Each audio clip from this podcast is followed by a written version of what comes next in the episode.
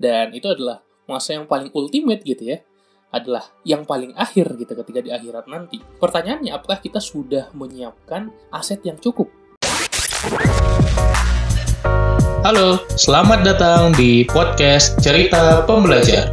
Kamu akan mendengarkan cerita mengenai pengalaman, gagasan, dan pembelajaran.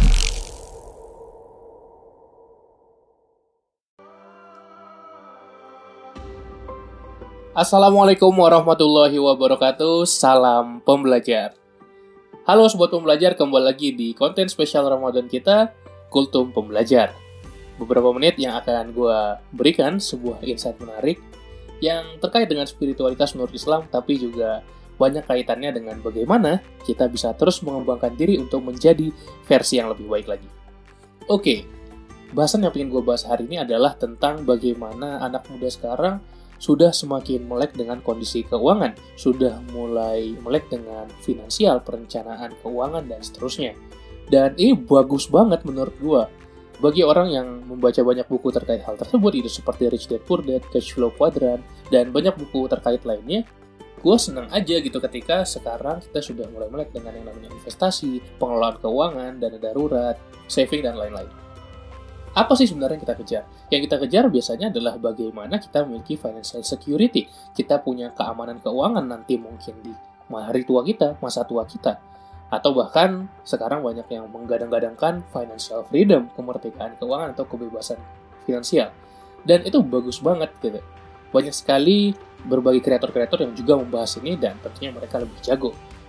Nah, tapi ada yang pingin gua note di sini kita tahu bahwa ketika kita ingin mencari financial freedom, salah satunya adalah dengan membangun yang namanya passive income, ya pemasukan pasif. Jadi kita nggak perlu kerja secara hadir langsung, tapi kita dapat keuntungan terus gitu ya, kita dapat uang terus.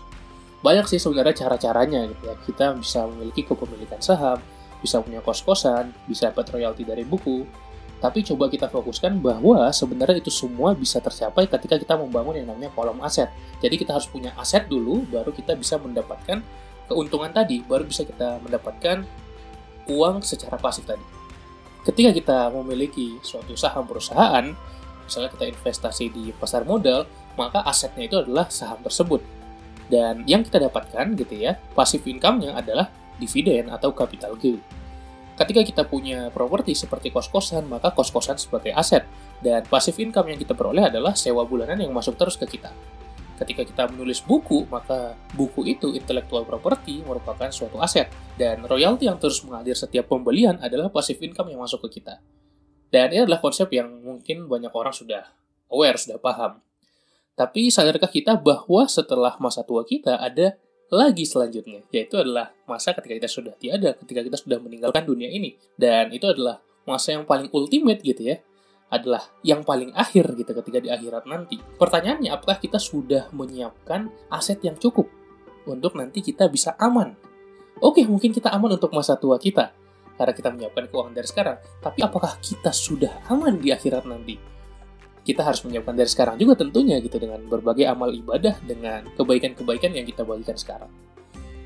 Tentu sebenarnya ini ada keserupaan gitu ya ketika kita melihat diri kita yang aman di akhirat nanti yaitu dengan kita harus berinvestasi juga dan menurut gue investasi terbaik bukan hanya investasi uang atau mungkin sekarang banyak orang bilang investasi leher ke atas pengetahuan, investasi ke teman kita, relasi, networking, tapi juga investasi akhirat dengan kita menyiapkan diri kita supaya aman di masa akhirat nanti. Sama juga, kita harus melakukan investasi, membangun kolom aset kita supaya kita bisa mendapatkan keuntungan. Dan ini yang gue sebut sebagai pasif amal, ya, pasif pahala gitu. Jadi bukan hanya pasif income gitu ya, kita juga perlu membangun aset-aset gitu ya, amal investasi kita. Kalau tadi kan aset investasi untuk membangun pasif income, sekarang amal investasi untuk membangun pasif pahala gitu. Dan kita tahu untuk membangun pasif pahala gitu ya atau yang sering disebut sebagai amal jariah adalah dengan melakukan sedekah jariah, ilmu yang bermanfaat dan juga anak soleh yang mendoakan orang tuanya.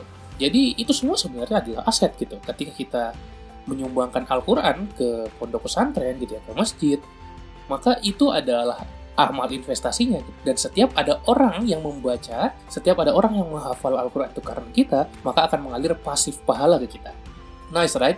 Ketika kita memiliki ilmu yang bermanfaat itulah aset yang kita miliki, ya dong. Dan ketika kita mengajarkan itu ke orang lain, akan ada namanya multiplier effect, ya. Jadi kalau misalnya gue mengajarkan ke murid gue suatu ilmu yang bermanfaat, dia mengajarkan ke orang lain lagi, orang lain itu di diajarkan lagi dan seterusnya, ya itu manfaatnya akan mengalir terus ke gue tanpa mengurangi pahala orang tersebut. Apalagi kalau ilmunya diterapkan. Itulah kenapa justru kita harus benar-benar menghargai guru-guru kita dulu. Guru-guru SMA, SMP, SD. Karena kita ada di posisi sekarang adalah ya sedikit banyak mengamalkan ilmu-ilmu yang kita pelajari dari mereka.